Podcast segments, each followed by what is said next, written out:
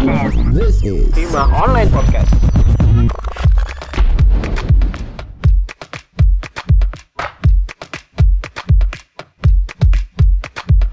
Hai, selamat datang di podcast Hima Berbicara. Bersama saya, Farel Alfaiz, menghadirkan teman-teman dari tim liputan dari Hima sendiri. Eh, bisa disapa guys? Halo. Halo, halo. Halo, halo, halo. Sebelum kita jump in kepada ya eh, topik yang akan kita bicarakan ini, kita perkenalan diri dulu, diri dulu ya. Mungkin bisa dimulai dari Tio. Oke, halo semuanya. Kenalin aku Tio. Jadi di Hima ini untuk periode sekarang aku lagi menjabat sebagai pemimpin redaksi. Tugas aku di sini ngapain? Tugas aku nyuruh teman-teman yang lain buat liputan. Kurang lebih gitu deh intinya ya. Oke, lalu ada Ika. Halo semuanya, aku Ika. Eh, kemarin sempat jadi reporter untuk Liputan Lensa dan juga sebagai redaktur fotografi. Lalu juga ada Monik. Halo semua, aku Monik. Aku di Hima sebagai buruhnya Hima. Tapi secara struktural aku jadi koordinator PSDM. Aku juga beberapa kali ikut iklan. Basi. Hmm, lalu ada juga Ina. Halo, aku kawannya Mas Farel. Kali aja nanti aku sama juga aku jadi reporter. Nah, gimana nih kabar kalian nih di masing-masing kota kalian? Baik-baik saja kah? Atau gimana? Kalau aku kabarnya alhamdulillah ya sampai hari ini masih waras, sehat walafiat. Walaupun gitu-gitu aja tapi gitu deh. Ah, dari kalian ada yang ada yang udah kena COVID? Waduh. Stress, guys. Tetangga wah, pada wah, guys. pada positif, ada yang meninggal. Oh my god. Eh, jangan turut berduka cita bagi teman. Astagfirullahaladzim. Tentunya aku harap guys. kalian semua tetap menjaga kesehatan, taat prokes, dan juga teman-teman pembicara di Lima juga bisa eh, mentaati peraturan pemerintah dan juga menjaga kesehatannya. Nah, kali ini kita bakal bahas apa nih, yuk? Oke, jadi untuk episode kali ini berbeda dengan episode sebelum-sebelumnya yang biasanya kita ngundang narasumber, hari ini narasumbernya kita-kita sendiri. Dan pembicaraan untuk kita hari ini adalah mengenai recap berita yang ada di Hima selama bulan Mei dan bulan Juni. Mungkin bisa kita mulai dulu ya dari berita pertama apa nih?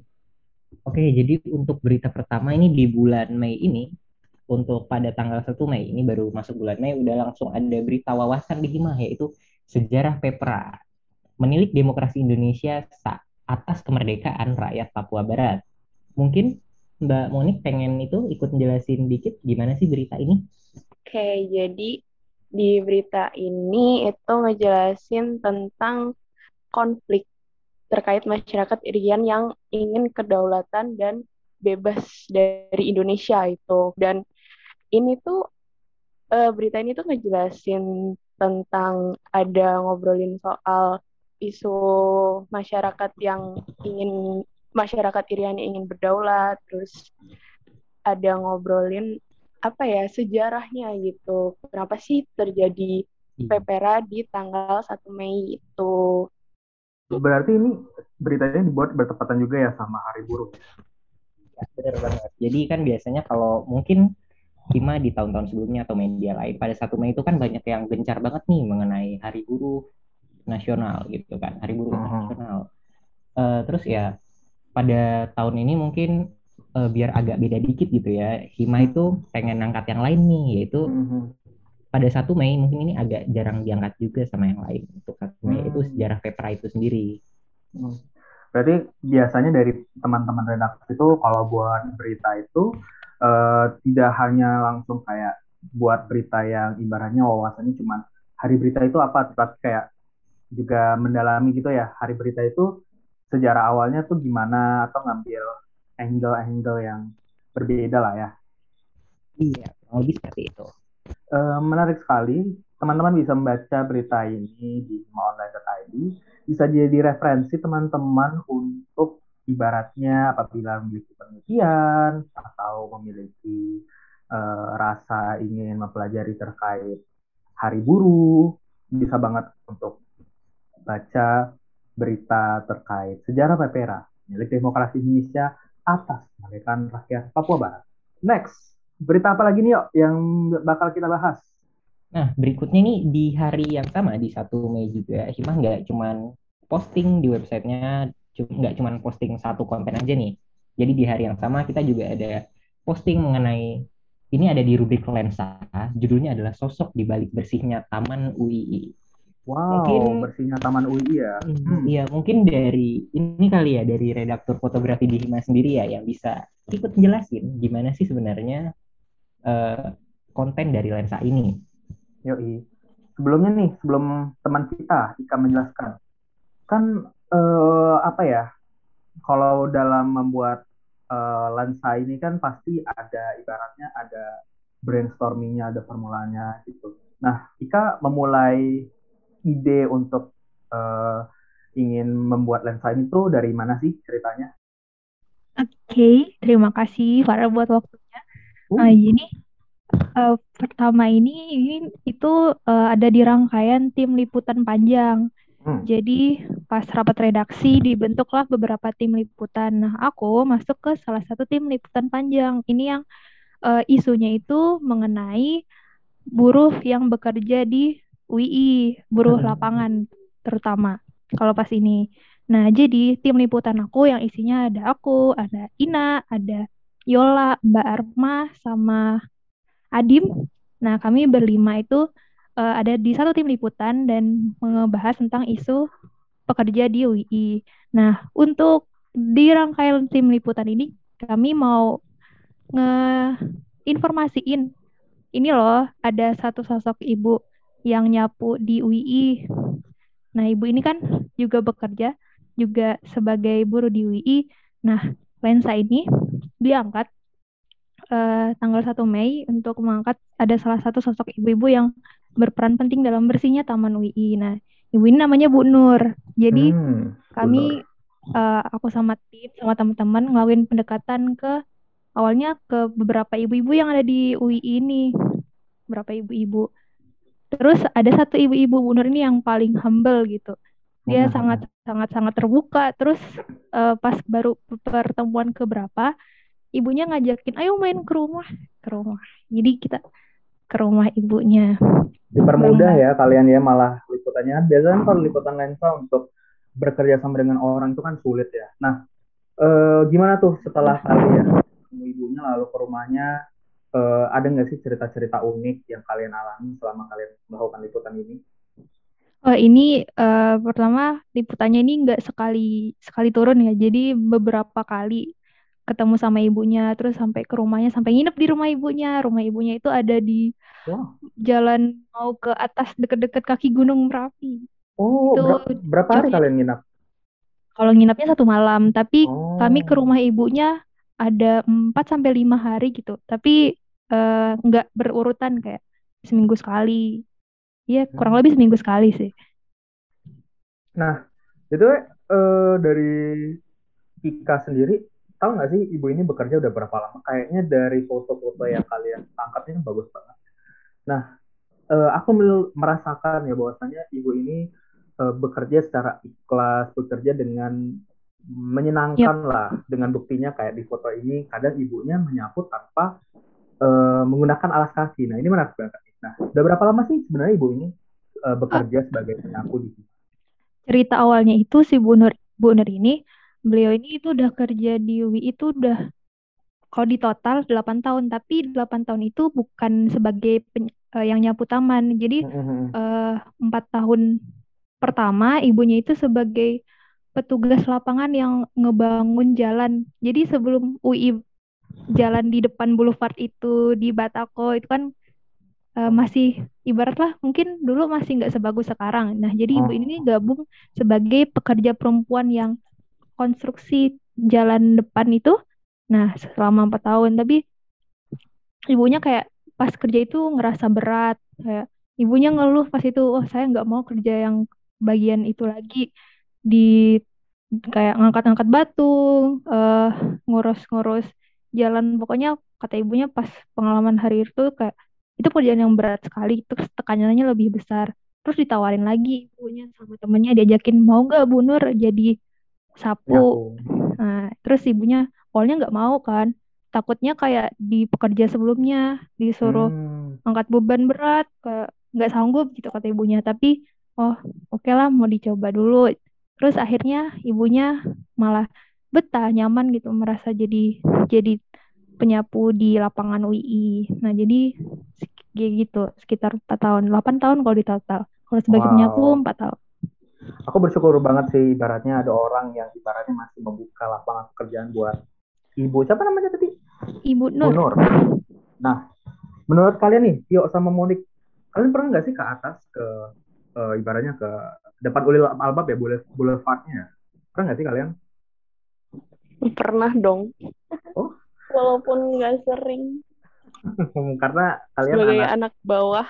Eh, anak bawah ya, anak ekonomi sama hukum ya. Iya. iya Ya, tapi aku salut sama Bu Nur karena dedikasinya tinggi sih. Maksudnya em, udah 8 tahun kerja gitu di UI gitu. Keren.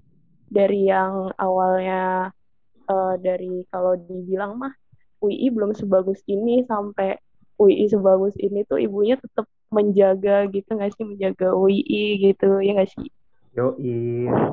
Dan aku Keren, rasa keren. juga eh apa ya pekerjaan ibunya juga semakin ringan ya dikarenakan kalian-kalian tidak masuk ke kampus. Jadi tidak ada sampah-sampah yang bertebaran di setiap eh tapi pinggir-pinggir jangan jalan. salah Rel jangan salah itu Oh, pohon-pohonnya setiap hari gugurnya eh daunnya berguguran Oh iya, dan ini berguguran ya. iya jadi Ya. banyak banget tetap Ya meskipun begitu, saya tetap mengingatkan kepada teman-teman UI yang mendengarkan, jangan membuang sampah sembarangan di boulevard. Yoi. Kalau gitu, ya biasanya kita kalau habis mungkin teman-teman yang ikut peta atau ospek dulu, itu banyak banget sampah-sampah yang ya Waduh, bertebaran parah, lah, parah. botol apa segala macam. Betul sekali itu banyak banget dulu. Next, kalau gitu kita masuk ke berita selanjutnya. Tio, Berita selanjutnya. Jadi tuh? untuk berita selanjutnya ini masih di rubrik yang sama yaitu di rubrik lensa dan Hmm. postingnya ini nggak jauh-jauh banget dari lensa sebelumnya yaitu sosok baik bersihnya teman Oh, Uli. Ini Kalau itu berikutnya ada lensa yaitu berbuka di Jogokarian. Wow. Ini lensa ini diambil pada bulan-bulan puasa ya kak, bener ya? Iya bener bulan Ramadan kemarin Hmm. tahun ini. Ya, ya, mungkin. Oh ini ini siapa aja nih kak tim liputannya kak? Kalau yang jadi eh, ini inisiasinya dari Hmm. Alwan sama aku. Jadi terus kita ngajakin waktu itu yang pertama kali turun tuh ke TPA-nya Monik, Eh, tapi nggak jadi ke Oh. sana. Tapi kami udah sempat observasi gitu ke TPA-nya Monik, tapi karena kami bingung juga mau eh, ngangkatnya apa, jadi pada akhirnya di Jogokarian terus bareng-bareng juga turun ini ke lapangannya aku sama Alwan terus Mhm. ada Mas Mimin juga ikut sama Mbak Yustis juga ada jadi reporternya berempat lalu buat moto Hmm. sama Alwan Wow, wow. Nah, aku nih sebagai ibaratnya mahasiswa rantau ya, aku tuh nggak tahu Jogokarian itu apa. Bisa kalian jelaskan nggak sih Jogokarian itu apa dan apa sih ibaratnya interest yang dihadirkan sehingga kalian tuh ingin foto-foto apa ibaratnya mengambil foto lah di acara ini gitu.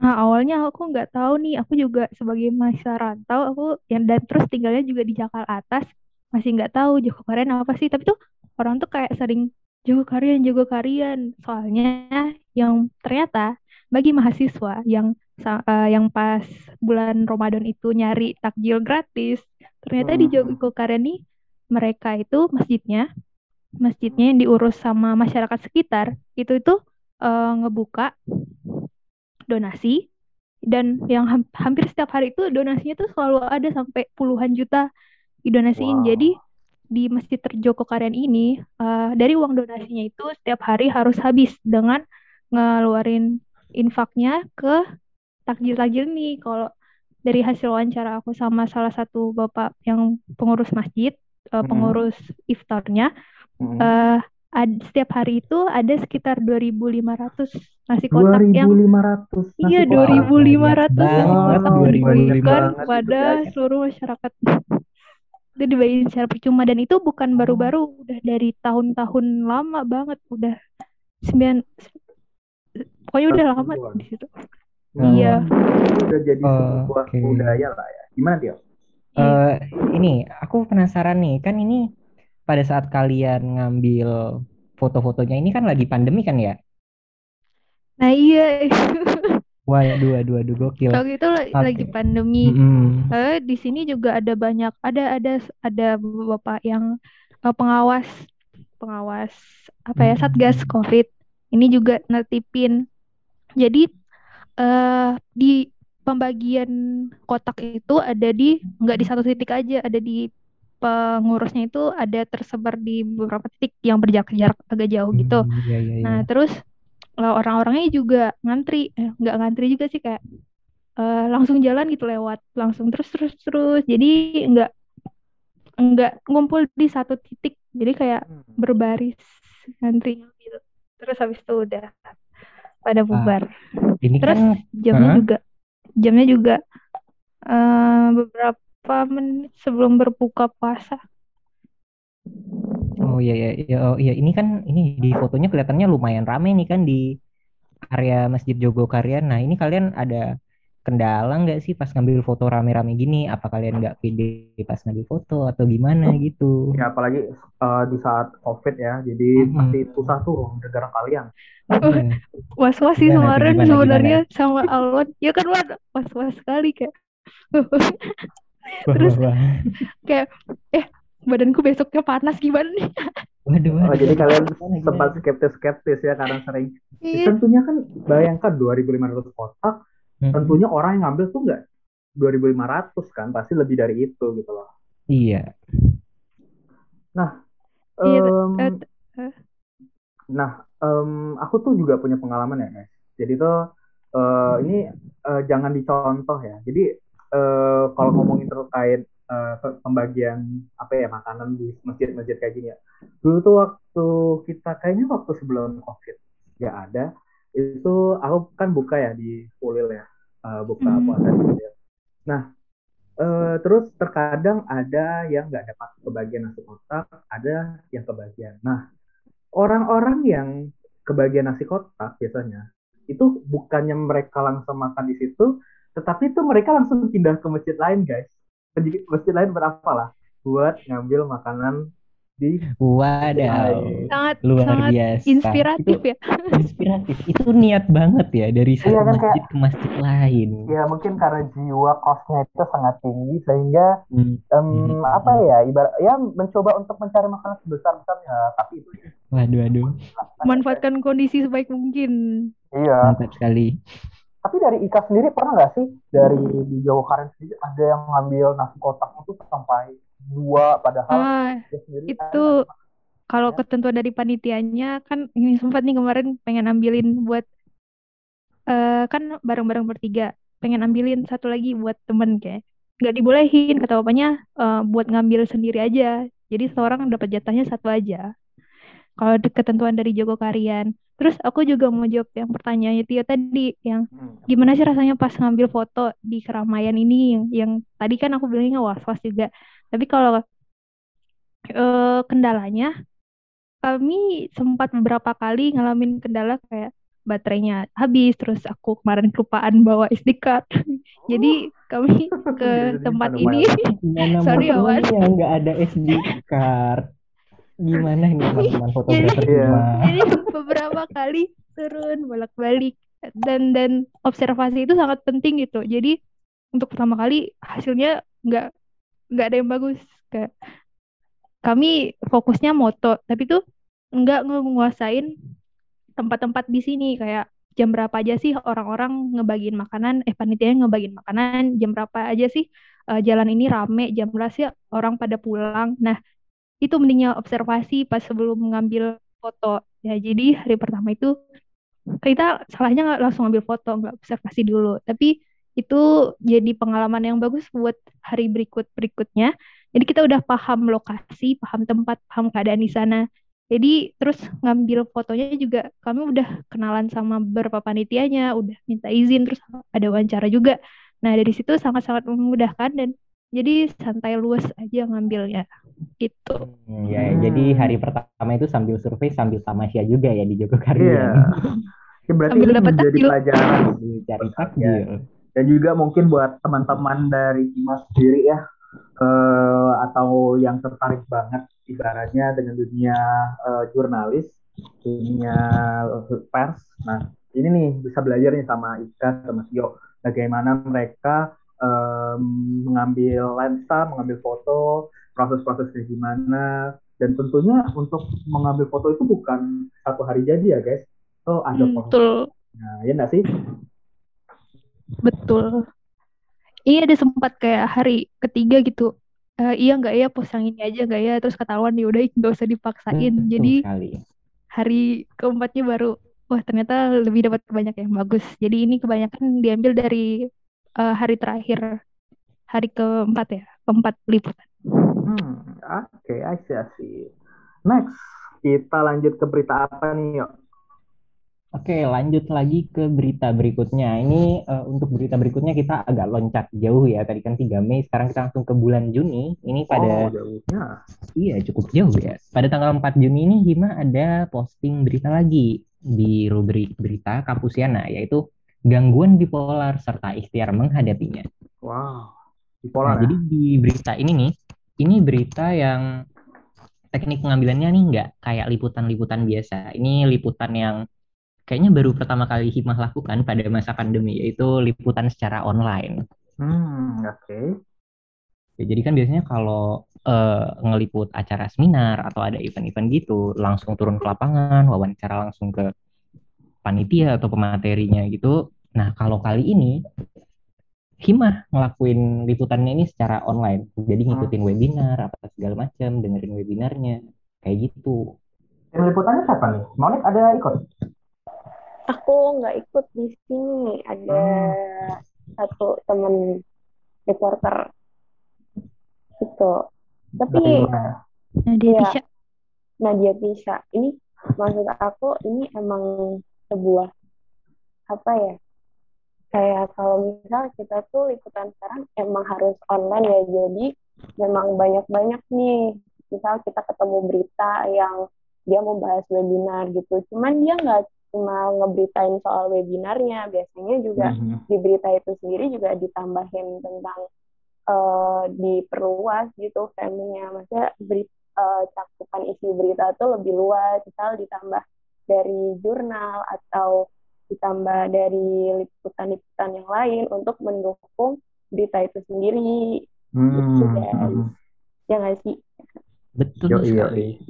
Nah, em, gangguan bipolar serta ikhtiar menghadapinya. Nah, dari yang aku baca dari berita ini memang ini menghadap eh, ini beritanya topiknya benar-benar terkait bagaimana kita melawan bipolar lah ya. Nah, eh, sebagai teman kita yang eh, memiliki bukan memiliki maksudnya jurusan psikologi Ika Rahmanita. Menurutmu nih dari kamu sendiri eh, ya eh, menurut berdasarkan pengetahuan kamu aja bipolar itu apa sih? Right. Kok ibaratnya ini bisa jadi apa ya harus dihadapi banget gitu loh. eh, jadi podcast psikologi nanti Ya nggak apa-apa. gitu. Podcast psikologi dari Rahmanita. Lanjutkan Ika. Waduh. Eh, bipolar itu eh, pemahaman aku kayak itu eh, ada gangguan bukan eh, ada beberapa gejala yang terpisah ter- terpisah terbagi jadi dua yang bipolar sama ini bipolar itu kan kayak artinya dua satunya lagi yang Hmm. depresif nah Hmm. kenapa namanya bipolar bipolar itu yang depresif juga tapi ada fase namanya fase manik fase manik itu eh rasanya menggebu-gebu eh, lagi pengen produktif produktif banget tapi ada saat ada saatnya juga malah berkebalikannya ada rasa depre ada fase depresifnya juga yang eh, beda jauh kayak berkebalikan jauh sama si fase depresifnya itu Hmm. Hmm. Hmm. Nah, dari kalian berdua nih, Monik sama eh, Tio, pernah nggak sih kayak ibaratnya eh, merasakan yang namanya bipolar gitu? Mungkin Atau Monik dulu. dari teman-teman kalian sendiri gitu? Oke, Monik, kalau mungkin. aku sih apa ya aku nggak bisa self diagnose gitu maksudnya uh, self diagnose juga nggak baik ya nggak sih kalau misal kita um, tes gitu tes di sebuah web terus tuh. oh ternyata aku bipolar nih oh ternyata aku ada mental illness gitu kita nggak bisa langsung ngejudge gitu loh jadi kita harus Hmm. ke psikiater atau enggak ke psikolog ya kalau nggak salah Bener. ya kan terus kalau aku sendiri mungkin aku karena nggak pernah konsul seperti itu ke psikiater ataupun psikolog. Tapi kalau misal ini nih yang aku baca di sini aku baca di web lain sih itu ada yang dan penjelasan Ika ya tadi bilang ada fase di mana aku apa seseorang itu ngerasa seneng banget ngerasa bersemangat terus dia langsung ngedown gitu tiba-tiba depresi gitu. Sebenarnya aku apa pernah ngerasain di mana fase itu emang lagi semangat banget gitu lagi produktif seharian bisa ngapain aja gitu. Misal bisa selesai lah tugas gitu. Terus ada gitu di satu sisi juga aku tuh ngerasa uh kok kayaknya lagi ngedown gitu loh lagi kayak udah stres banget nih kuliah udah stres banget di rumah terus kayak Mhm. pandemi nggak selesai selesai coy. Betul, Iya. ampun. Iya, aku iya, iya, lama-lama iya. stres di rumah karena gitu kan.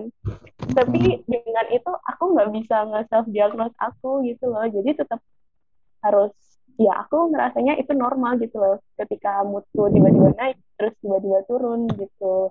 Kalau aku sih gitu. Maksudnya aku juga belum pernah nemu sih teman aku atau orang-orang terdekat aku tuh yang punya bipolar gitu Hmm, itu I sih kalau aku Kalau Cio gimana?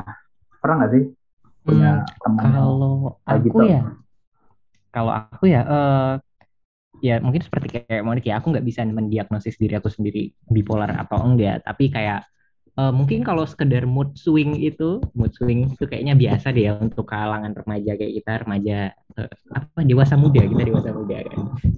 Mungkin kalau mood swing mood swing kayak gitu pernah, dan itu juga eh, yang tingkatan yang ringan aja, nggak sampai kayak merasa nggak sanggup apa-apa, nggak sampai ngerasa ingin menyakiti diri menyakiti diri sendiri nggak sampai kayak gitu. Hmm, jadi untuk eh, mungkin sekedar mood swing aja kali ya yang tiba-tiba paginya bersemangat terus siang-siangnya udah kayak hmm, karena satu dan lain hal gitu jadi kayak aduh males nih bla bla bla. Bukan males sih lebih kayak eh, apa ya semangat perasaan untuk ngelakuin aja lah ya. itu eh, eh, hilang gitu. Itu mungkin pernah sih apalagi karena ya pandemi kan ini kadang Hmm. kita ih agak sedikit merasa depresi dikit gitu kalau di rumah terus sendiri kan terutama yang ngerantau di kos-kosan gitu Ya aku mungkin juga sih. wajar kayak gitu sih Hmm.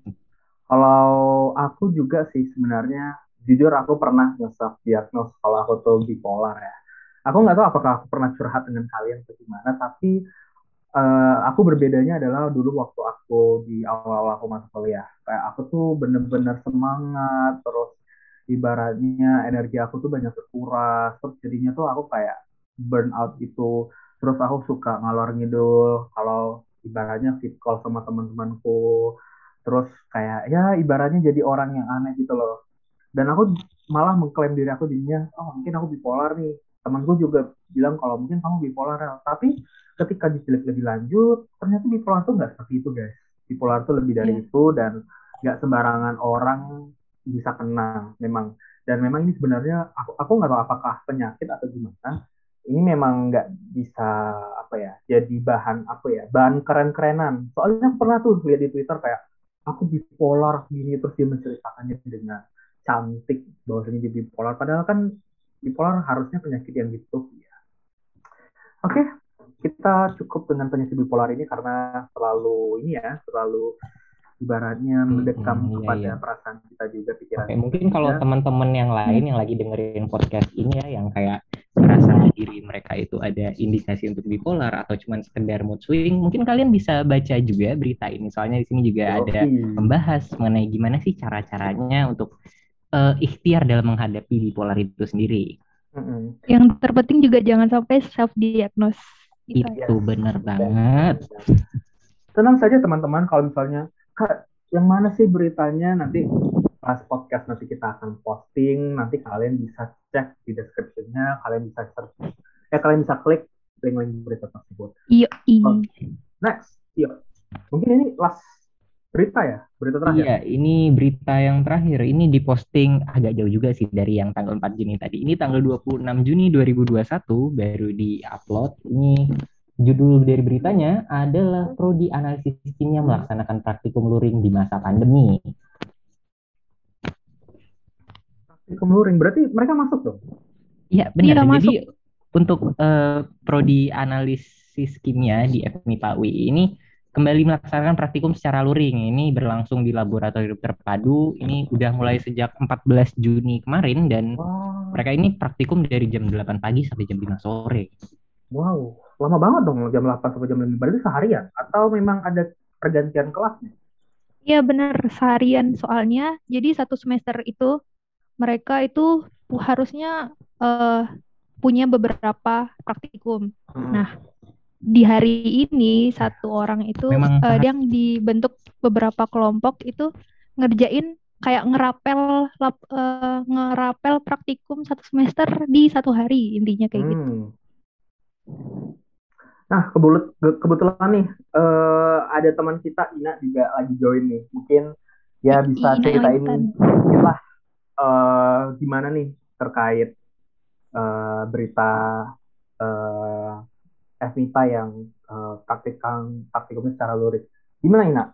Bisa dijelaskan? Eh, Oke, oke. Aku jelasin dikit terkait laporan berita ini. Jadi kemarin sempat sebetulnya bukan prodi analisis kimia juga sih, tetapi banyak prodi yang lain atau fakultas yang lain. Misalnya FTSP, prodi teknik lingkungan juga ngadain praktikum luring. Nah, eh, apa nih yang mau dibahas terkait pelaksanaan praktikumnya atau bagaimana? Nah, aku lebih penasaran ke ini sih. Eh, apa mungkin kalau ya praktikum tetap praktikum ya. Tapi kan ini kan situasinya COVID-19 ya dan juga dilaksanakannya dilaksanakannya pada tanggal 14 Juni. Tentunya pasti ada situasi di mana eh, anak-anak yang mungkin dulu mereka merekanya eh, balik ke kampung halaman masing-masing terus eh, memutuskan untuk balik ke Jogja untuk melakukan praktikum. Nah, ada cerita-cerita nggak sih kayak eh, mereka harus terpaksa ikut lalu ada prokes nggak sih selama mereka praktikum? Oh, oke. Terkait eh, mereka terkait perizinan ya. Jadi sebelumnya itu dari prodi analis sis kimia itu udah meminta izin. Jadi diisiin formulir gitu atau partisipan. Intinya terkait praktikum ini itu tidak wajib. Jadi siapa yang mau Hmm. ikut ya ayo gitu.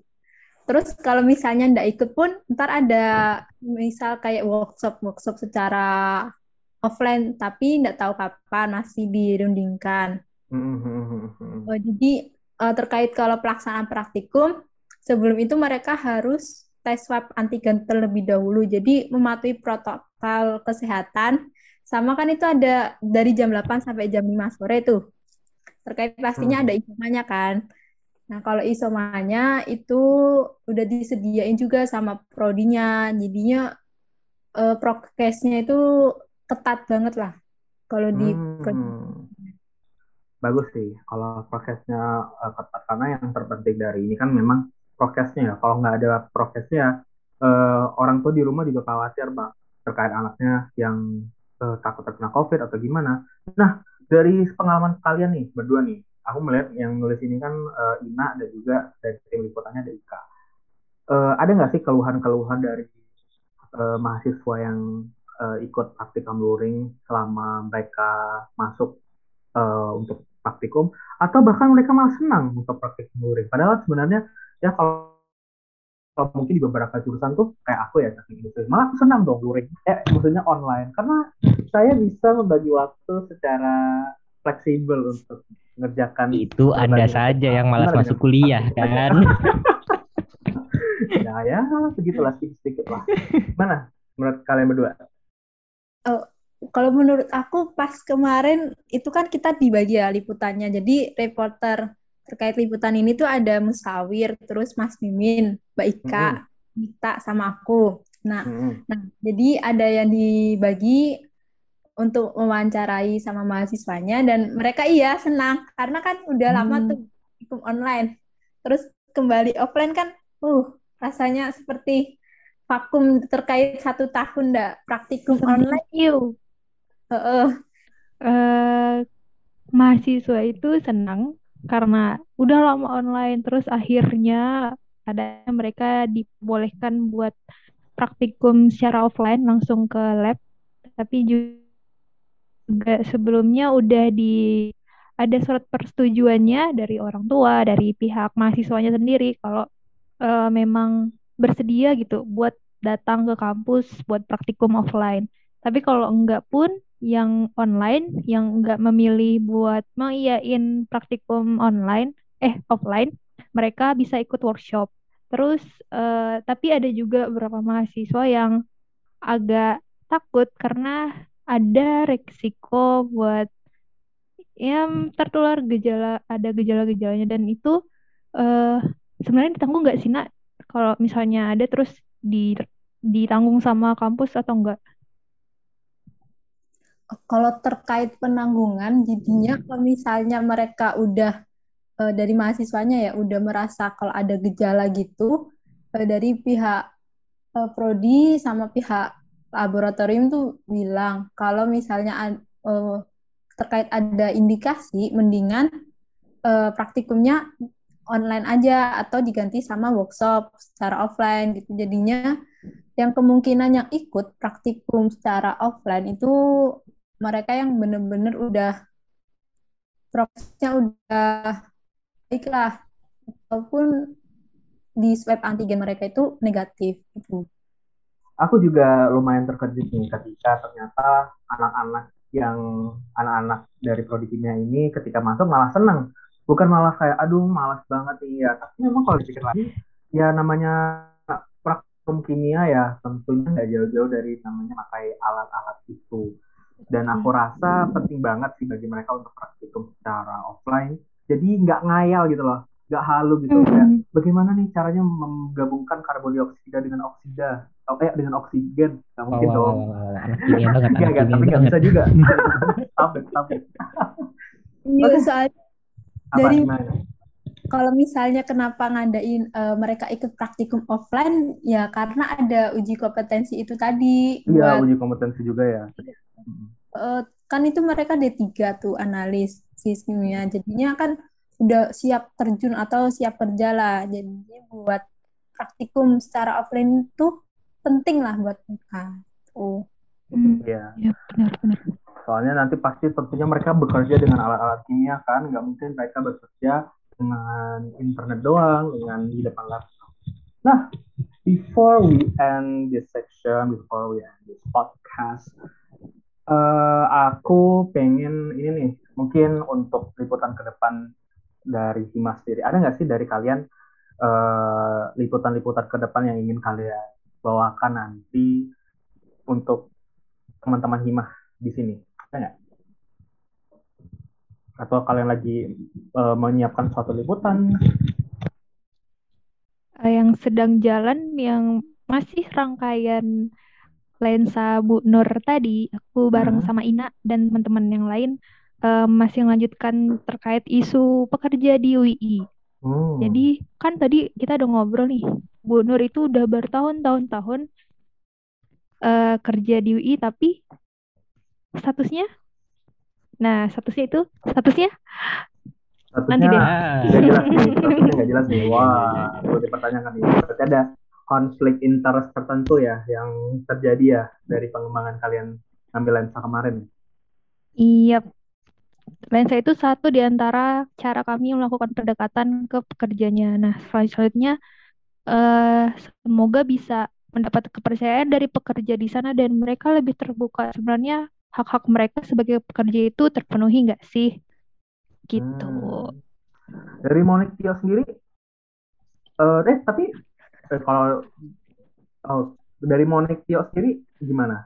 Apa ada juga kalian lagi nyiapin liputan atau lagi garap berita gitu?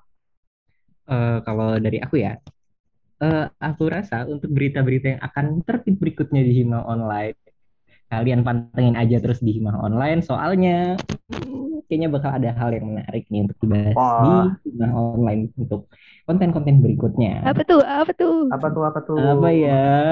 Klik klik klik klik klik klik link di Klik link di deskripsi ya guys. Tungguin Online aja ID. terus dan pantengin berita-berita yang nongol di berita di himahonline.id. Ya, aku juga menunggu sih eh, apa berita-berita yang ibaratnya viral ya, karena kan berita-berita kita ini kan sebenarnya berita-berita yang eh, berkaitan dengan eh, masyarakat UI lah ya. Kadang belum menyentuh gitu ke ranah luar UI. Yang biasanya kalau menyentuh ranah luar UI itu yang kasus-kasus contohnya waktu itu kita pernah ngebahas Hima pernah bahas kasus pelecehan seksual di UI itu ya, dan itu kan cukup viral ya. Dan aku berharap eh, mungkin kita atau ya atau mungkin orang-orang eh, bisa ibaratnya speak up mungkin terkait eh, entah permasalahan mereka atau gimana. Jadi itu bisa jadi bahan berita kita ya, biar berita kita naik terus kita dipandang gitu loh. Wah, Wah, wah, Hmm. wah, wah. Mantap sekali. oke. So that's it guys for today. Aku harap teman-teman bisa mengambil eh, pelajaran dan eh, semakin tertarik dengan berita-berita yang kami eh, sajikan di Hima Online. Dan jangan lupa untuk follow Instagram kami di Hima Online. Hima Online, himaonline.id ya? Atau Hima Online? Hima Online kan? Aduh, bagaimana Aduh, aduh, aduh. ini? Aduh, aku lupa dengan Aduh, Instagram sorry, sendiri lupa? guys. Kan Anda anak media sosial. Sebentar, aku Oh cek iya, dulu ya. Aku juga media lupa sosial? soalnya. Ya Hima Online. Aku Hima ingat. online, Hima online. Hima Online, Twitter juga Hima Online, Facebook kami juga, tapi kami tidak terlalu sering mengupload sana. Dan juga pantau terus berita kami di himaonline.id. Dan eh, jangan, oh ya, dan jangan sungkan-sungkan apabila teman-teman punya suatu eh, apa permasalahan konflik yang terjadi di eh, kampus kalian, bisa kalian ceritakan kepada kami di APM Hima.